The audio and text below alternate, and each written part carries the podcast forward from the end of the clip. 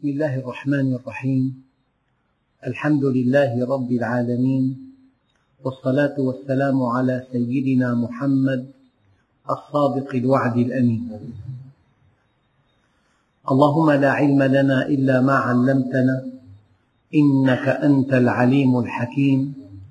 اللهم علمنا ما ينفعنا وانفعنا بما علمتنا وزدنا علما.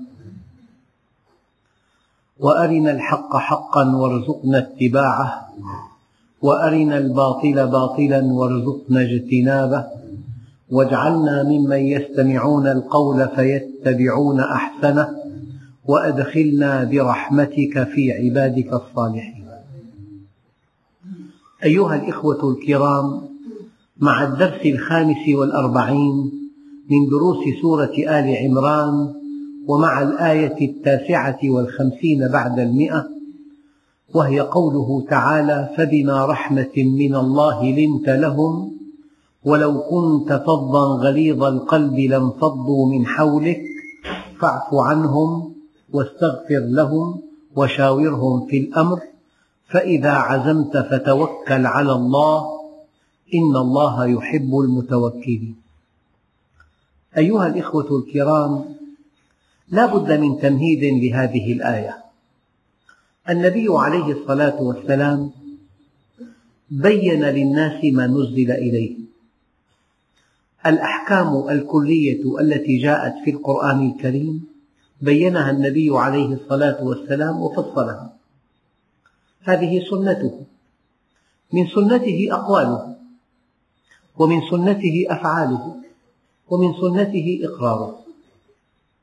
ولكن كيف عامل أصحابه؟ كيف عامل من حوله؟ كيف دعا إلى الله؟ كيف دعا إلى الله؟ وكيف كان سلوك النبي مع من دعاهم إلى الله؟ هذه سنة تربوية. أي عالم من بعده؟ تبعه في سنته التربوية نجح وأفلح. وأي داعية إلى الله؟ خالف سنته التربوية أثار حوله جدلا كثيرا. إذا الدعاة إلى الله في شتى أقطار المسلمين. ينجحون ويتفوقون ويفلحون إذا اتبعوا سنة النبي التربوية. كيف دعا أصحابه؟ وكيف عاملهم؟ فكل داعية لا يفلح ولا ينجح ولا يلتف الناس حوله إلا إذا قلد النبي في أصول دعوته. قضية الأحكام الشرعية شيء آخر. قضية بيان النبي عليه الصلاة والسلام لكليات القرآن لتبين للناس ما نزل إليهم شيء آخر. لكن كيف عاملهم؟ منعهم أن يسألوا؟ صادر شخصيتهم؟ استعلى عليهم؟ سخرهم لصالحه كيف عاملهم هذه الآية أيها الإخوة إحدى الآيات التي تبين أصول الدعوة إلى الله. يقول الله عز وجل فبما رحمة من الله لنت لهم. هذه الباء في الآية باء السبب يعني بسبب رحمة في قلبك لنت لهم. إذا هناك علاقة بين لين الجانب وبين الرحمة المودعة في القلب. ما لم يكن في القلب رحمة مشتقة من رحمة الله. لن تستطيع أن تكون لين الجانب ولا أن تكون سهل العريكة. هذه صفة أساسية في من دعا إلى الله. لين رحيم فبما رحمة من الله لنت له يعني بسبب رحمة استقرت في قلبك يا محمد من خلال اتصالك بنا. أي اتصال بالله يشتق من خلاله من كمال الله. إذا كنت مع الرحيم فأنت رحيم. إذا كنت مع الحكيم فأنت حكيم. إذا كنت مع اللطيف فأنت لطيف. هذا الكمال الذي جاء به الأنبياء وعلى رأسهم رسول الله يسفي العقول يملأ القلوب محبة. قال أبو سفيان ما رأيت أحدا يحب أحدا كحب أصحاب محمد محمدا ما رأيت أحدا يحب أحدا كحب أصحاب محمد محمدا لما هذا الحب؟ من كماله من رحمته من لين جانبه من تواضعه من حكمته من لطفه. إذا لن تستطيع أن تؤثر في إنسان على وجه الأرض إلا إذا كنت مشتقا من كمال الله كمالا. ما الذي يجذب الناس إلى الدين؟ الكمال الذي يتحلى به المؤمنون. كنا قوما أهل جاهلية. نعبد الأصنام. ونأكل الميتة ونأتي الفواحش ونقطع الرحم ونسيء الجوار. وهناك جاهلية أشد من هذه الجاهلية. حينما قال الله عز وجل ولا تبرجن تبرج الجاهلية الأولى معنى ذلك أن هناك جاهلية ثانية. والجاهلية الثانية ليس فيها إساءة إلى أفراد بل فيها إساءات إلى شعوب. ليس فيها عبودية فرد لفرد بل فيها عبودية شعوب لشعب. ولا تبرجن تبرج الجاهلية الأولى. نعبد الأصنام ونأكل الميتة ونقطع الرحم ونسيء الجوار. ويأكل القوي منا الضعيف حتى بعث الله فينا رجلا. نعرف أمانته وصدقه وعفافه إذا عاملناه فهو أمين وإذا حدثنا فهو صادق وإذا وضع في موطن شهوة كان عفيفا. فدعانا إلى الله لنعبده ونوحده ونخلع ما كان يعبد آباؤنا من الحجارة والأوثان وأمرنا بصدق الحديث وأداء الأمانة وصلة الرحم وحسن الجوار والكف عن المحارم والدماء. لماذا أمر النبي بمكارم الأخلاق؟ قال بعثت لأتمم مكارم الأخلاق. إنما بعثت لأتمم مكارم الأخلاق. من زاد عليك في الخلق زاد عليك في الإيمان. الإيمان حسن الخلق. إن أقربكم مني مجالس يوم القيامة أحاسنكم أخلاقا. الموطؤون أكنافا الذين يألفون ويؤلفون. في أكثر من عشرة أحاديث صحيحة في البخاري ومسلم تؤكد هذه الأحاديث أن الإيمان يعني حسن الخلق. فلذلك بين النبي عليه الصلاة والسلام لأصحابه الكرام فقال تواضعوا لمن تعلمون وتواضعوا لمن تتعلمون منه. والتواضع من صفات المؤمن. قال فبما رحمة من الله لنت له. لأن في قلبك رحمة.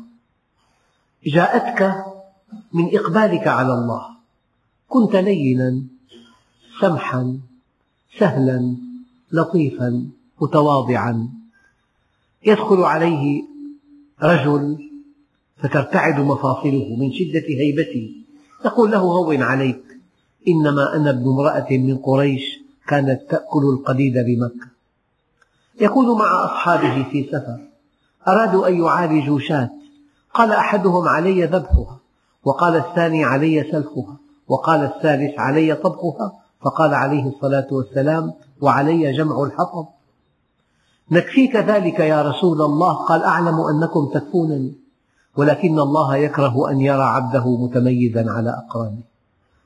كان مع أصحابه في بدر الرواحل ثلاثمائة وأصحاب ألف. قال كل ثلاثة على راحلة.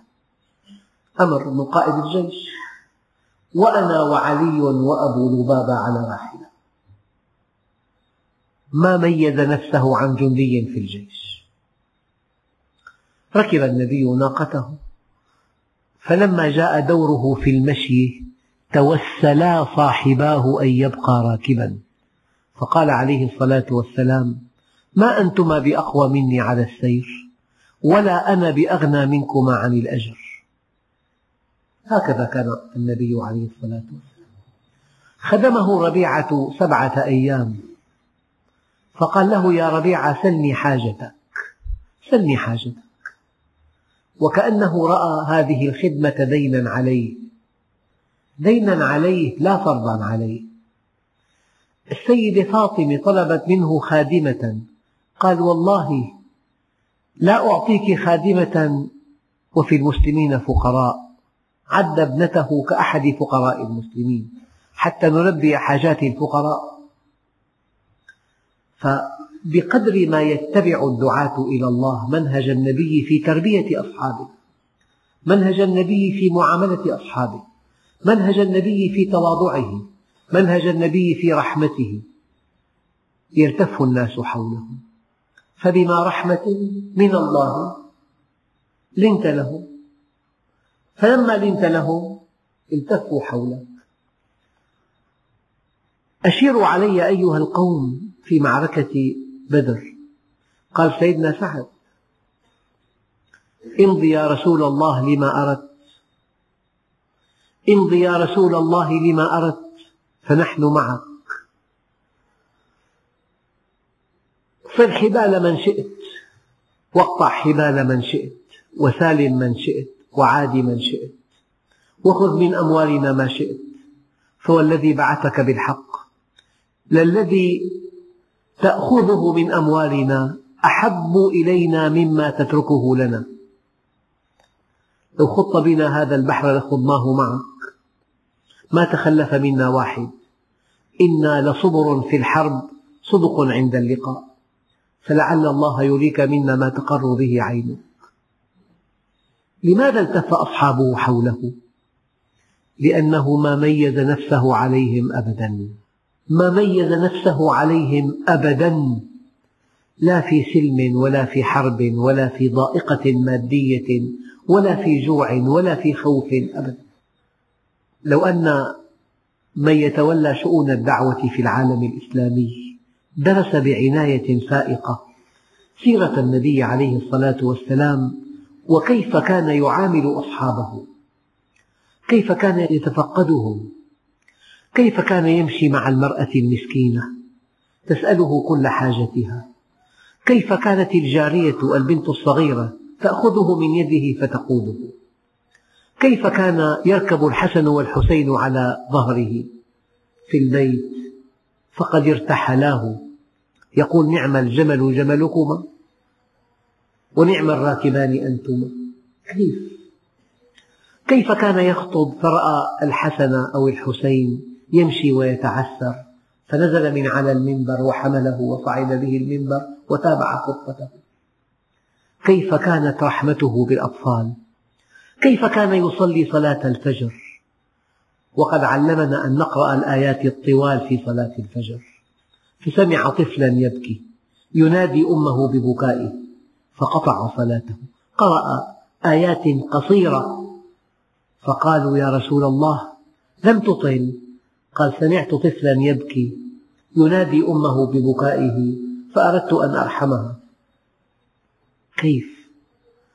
كيف حينما جاءه الوحي؟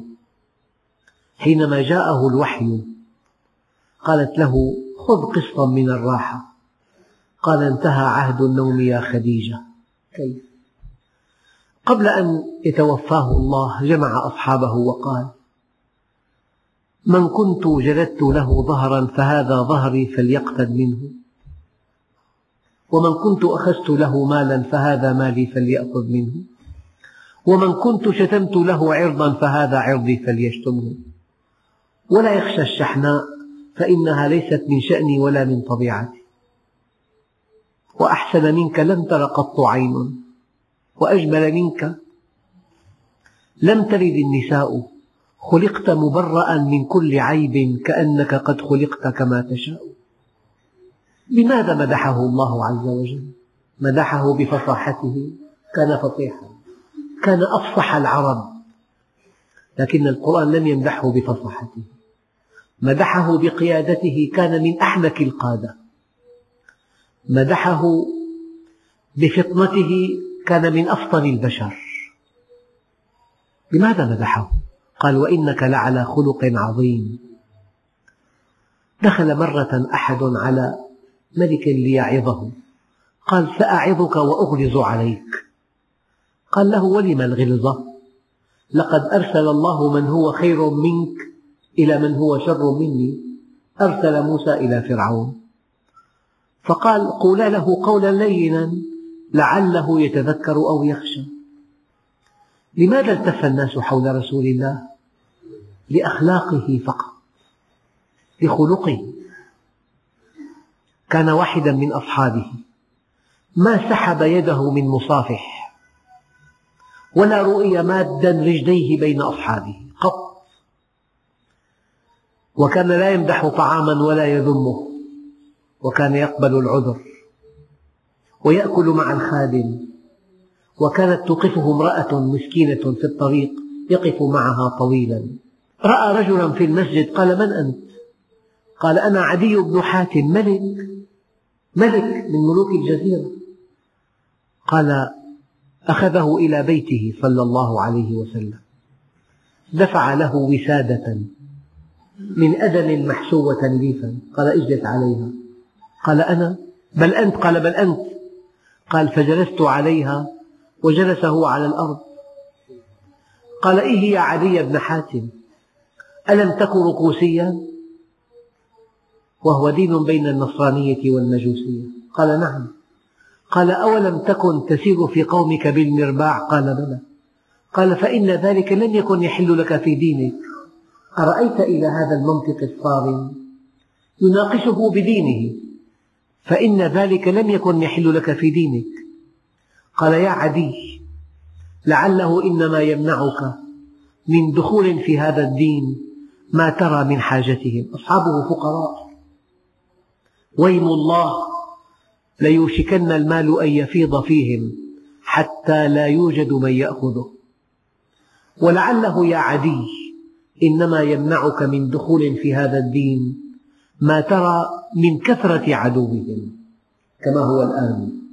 ويم الله ليوشكن أن تسمع بالمرأة البابلية تحج البيت على بعيرها لا تخاف.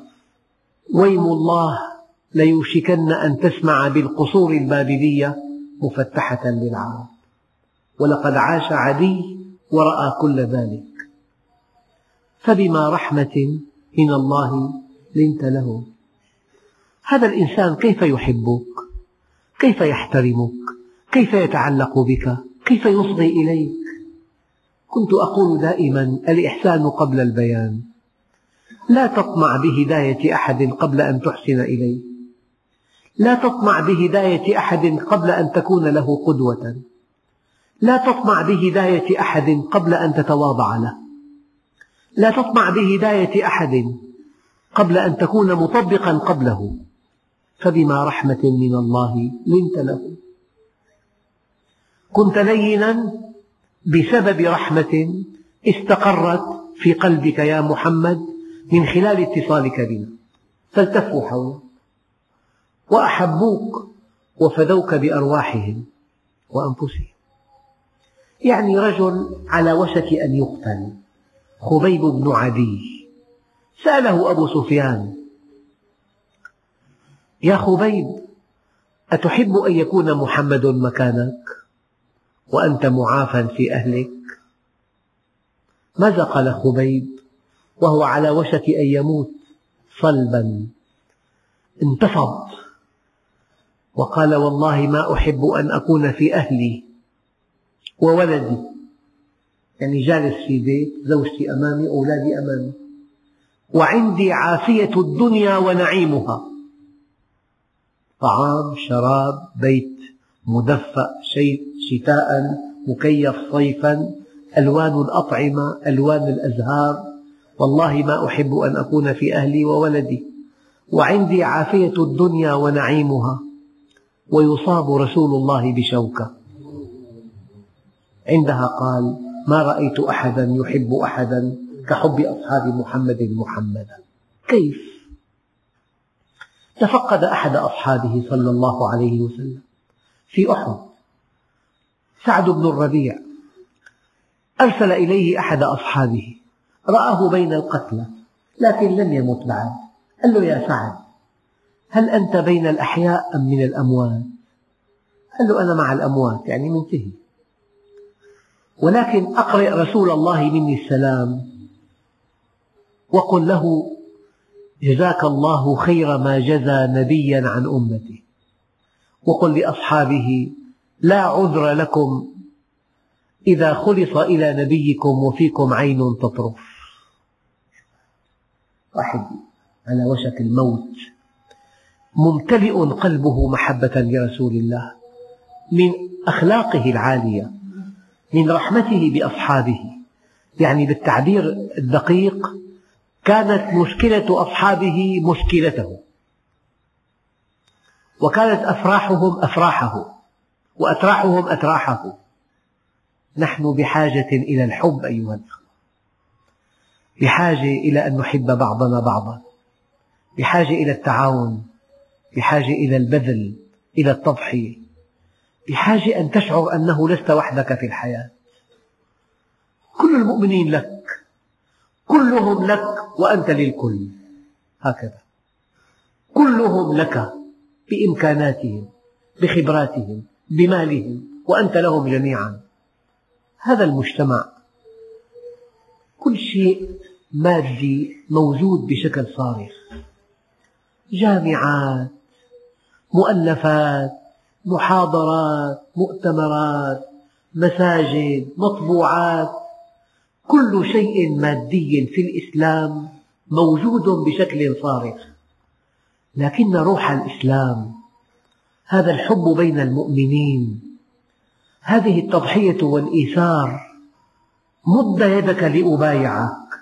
الصديق لسيدنا عمر قال عمر أي أرض تقلني وأي سماء تظلني إذا كنت أميرا على قوم فيهم أبو بكر معقول؟ قال له أنت يا عمر أقوى مني. قال أنت يا أبا بكر أفضل مني. قال له قوتي إلى فضلك. معقول أيعقل أن يكون مع أصحابه سيدنا عمر وأن يقول أحدهم يعني تقربا إليه والله يا أمير المؤمنين ما رأينا خيرا منك بعد رسول الله. فإذا به يحد بصره إليهم إلى درجة أنه كاد يقطعهم. واحد واحد. إلى أن قال أحدهم لا والله لقد رأينا من هو خير منك. قال له من هو؟ قال أبو بكر. فقال هذا الخليفة العظيم. قال كذبتم جميعا وصدق. عد سكوتهم كذبا وصدق. قال كنت والله أضل من بعيري. وكان أبو بكر أطيب من ريح المسك. ما هذه الموضوعية؟ ما هذه الموضوعية؟ يقف على منبر. ينزل درجة قال ما كان الله ليراني أن أرى نفسي في مقام أبي بكر. مستحيل. ماذا فعل النبي؟ ربى صحابا. ربى أبطالا. الواحد كألف. هلا بتعد المسلمين مليار ومئتين مليون. لذلك حينما يسقط المسلمون من عين الله يأتي من يتحكم بهم. ومن يذلهم ومن يأخذ أموالهم ومن يوقع بينهم. وكأنهم ليسوا موجودين. المسلمون غائبون عن الساحة. أين هم المسلمون؟ أيها الإخوة الكرام الأنبياء العظام تركوا أصحابا عظاما. ونحن نريد أن يكون المسلم شيئا كبيرا. كبير بطاعته لله كبير بمحبته لله كبير بإخلاصه لله. فبما رحمة من الله لنت له ولو كنت فظا غليظ القلب لانفضوا من حولك. لو كنت منقطعا عنا يمتلئ قلبك قسوة. وإذا امتلأ قلبك قسوة كنت فظا غليظا في قسوة في فظاظة. في كبر ما في رحمة. ولو كنت فظا غليظ القلب لانفضوا من حولك. معادلة رياضية اتصال رحمة لين التفاف. انقطاع قسوة غلظة انفضاض. أليس هذا درسا لكل داعية على وجه الأرض؟ فبما رحمة من الله لنت لهم. ولو كنت فظا غليظ القلب لانفضوا من حولك. فاعف عنهم واستغفر لهم وشاورهم في الأمر. أيها الإخوة الكرام يعني أنا أتمنى أن يتبع أحدكم الآيات المتعلقة بأصول الدعوة. يعني مثلا هو الذي بعث في الأميين رسولا منهم يتلو عليهم آياته ويزكيهم ويعلمهم الكتاب والحكمة. منهج الدعوة أن تعرف بالله من خلال آياته وأن تزكو النفوس أن ترقى النفوس أن تتصعد الميول ويزكيهم ويعلمهم الكتاب القرآن والحكمة السنة. هكذا قال علماء التفسير. إذا دعوة بلا تزكية لا قيمة لها. وتزكية بلا علم لا قيمة لها. لا بد من دعوة إلى الله. لا بد من تعريف بالله من خلال آياته. ولا بد من تزكية للنفس من خلال الاتصال به. ثم لا بد من معرفة المنهج الكتاب والسنة. حبذا لو تجمع الآيات المتعلقة بأصول الدعوة إلى الله. ويجب أن تعلموا علم اليقين أنه ما من واحد من المسلمين إلا والدعوة إلى الله في حقه فرض عين فرض عين لا يعفى منها أحد. فإن لم تفكر في الدعوة إلى الله فأنت لا تتبع رسول الله. لأن الله عز وجل يقول قل هذه سبيلي. أدعو إلى الله على بصيرة أنا ومن اتبعني. فإن لم تكن متبعا لرسول الله معنى ذلك أنك لا تحب الله. والدليل قوله تعالى قل إن كنتم تحبون الله فاتبعوني.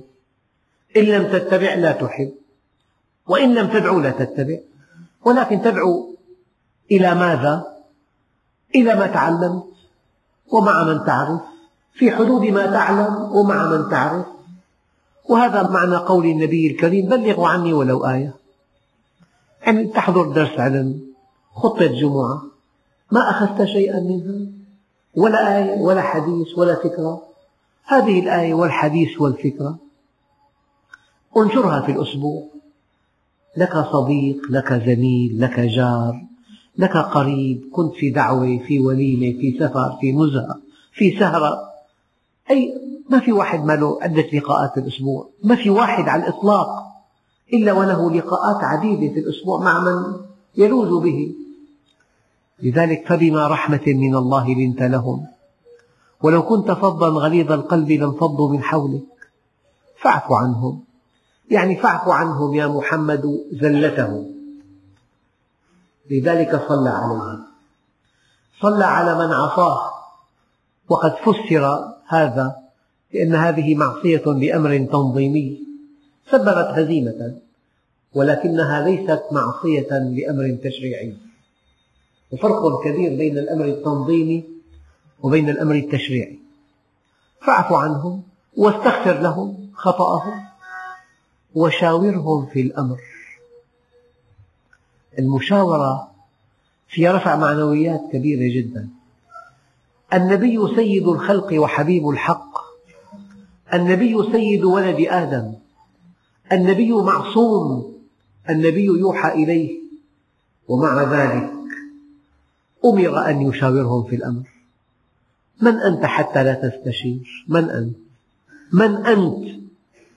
إذا كان سيد الخلق وحبيب الحق قد أمر أن يشاور أصحابه. أشيروا علي أيها الناس. حتى في حديث الإفك قال أشيروا علي ماذا أفعل؟ أعلمها عفيفة. ماذا أفعل؟ أنت حينما تشاور تستعير عقول الرجال. من شاور الرجال استعار عقولهم. بل إن المجتمع المسلم وصفه الله عز وجل بأن أمرهم شورى بينهم. ما في استبداد. ما في فرض رأي. ما في إرهاب فكري. أمرهم شورى بينهم. أشيروا علي أيها الناس وشاورهم في الأمر وأنت سيد الخلق وأنت المعصوم وأنت قمة البشر. شاورهم في الأمر. استشار زوجته في صلح الحديبية. يعني الصحابة الكرام تعلقوا بالعمرة ثم منعوا منها فتألموا ألما شديدا. حتى أن عمر قال يا رسول الله ألسنا على حق؟ قال نعم قال أليسوا على باطل؟ قال بلى قال فعلام نعطي الدنية في ديننا؟ قال أنا أتبع وحي الله عز وجل ومع ذلك الصحابة تلكأوا في الحلق والذبح فتألم النبي عليه الصلاة والسلام سأل أم سلمة ماذا أفعل؟ قال احلق أنت واذبح. ما إن فعل حتى تبعه أصحابه. علمنا أن نستشير أحيانا زوجاتنا. هذا شيء ثابت في السنة والقصة صحيحة. حتى إن القرآن الكريم قال وأتمرا بمعروف.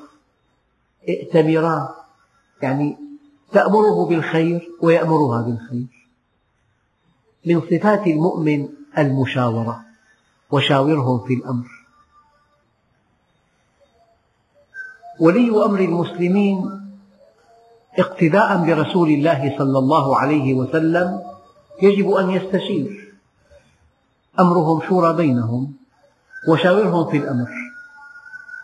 لكنه حينما يستشير ويأخذ الآراء ويريه الله الطريق الصحيح قال فإذا عزمت فتوكل على الله. من دون بلبلة من دون اضطراب من دون تنيع للقضايا. وشاورهم في الأمر. فإذا عزمت يا محمد ومن ينوب مكانك في ولاية أمر المسلمين فتوكل على الله. إن الله يحب المتوكلين. إذا من خلال هذه الآية الكريمة تتضح لنا أخلاق النبي عليه الصلاة والسلام وكيف التف الناس حوله واجتمعوا عليه وكيف فدوه بأنفسهم وأموالهم وكيف كانوا قدوة للعالمين. محمد رسول الله. والذين معه أشداء على الكفار رحماء بينهم. كيف هم أشداء على الكفار؟ لأن محمدا والذين معه. أرأيت إلى هذا التعاون؟ أشداء على الكفار رحماء بينهم. لذلك المؤمن في مجتمع المؤمنين موصوف بآية أذلة على المؤمنين أعزة على الكافرين. يؤثرون على أنفسهم ولو كان بهم خصاصة. يؤثرون على أنفسهم ولو كان بهم خصاصة. وأن تعيش بين المؤمنين وأن تكون وفيا لهم وأن تكون متواضعا لهم وأن تقدم لهم كل ما تستطيع وأن تسألهم حاجتك أحيانا. يجب أن نعلم أن المجموع لواحد وأن الواحد للمجموع. أيها الإخوة هذه الآية منهج لنا في أصول الدعوة إلى الله عز وجل. منهج لنا. في أصول الدعوة إلى الله عز وجل. فبما رحمة من الله لنت لهم ولو كنت فظا غليظ القلب لانفضوا من حولك فاعف عنهم واستغفر لهم وشاورهم في الأمر فإذا عزمت فتوكل على الله إن الله يحب المتوكلين الحمد لله رب العالمين. أخي يقول كيف تكون الدعوة فرض عين؟ والآية تقول ولتكن منكم أمة يدعون إلى الخير. هذه الدعوة فرض كفاية. هناك داعية متفرغ تماما. عمله الدعوة إلى الله محصل علما عاليا جدا. معه الأدلة التفصيلية يرد على كل شبهات الكفار. هذه الدعوة بهذا المستوى فرض كفاية. أن تكون متفرغا للدعوة إلى الله متخصصا في العقيدة الإسلامية وفي الفقه وفي السيرة وليس لك عمل إلا الدعوة إلى الله. هذا المستوى من الدعوة فرض كفاية. إذا قام به البعض سقط عن الكل. وأما التي هي فرض عين فدليلها أو أحد أدلتها؟ قل هذه سبيلي أدعو إلى الله على بصيرة أنا ومن اتبعني دليل آخر والعصر إن الإنسان لفي خسر إلا الذين آمنوا وعملوا الصالحات وتواصوا بالحق. أحد أركان النجاة التواصي بالحق.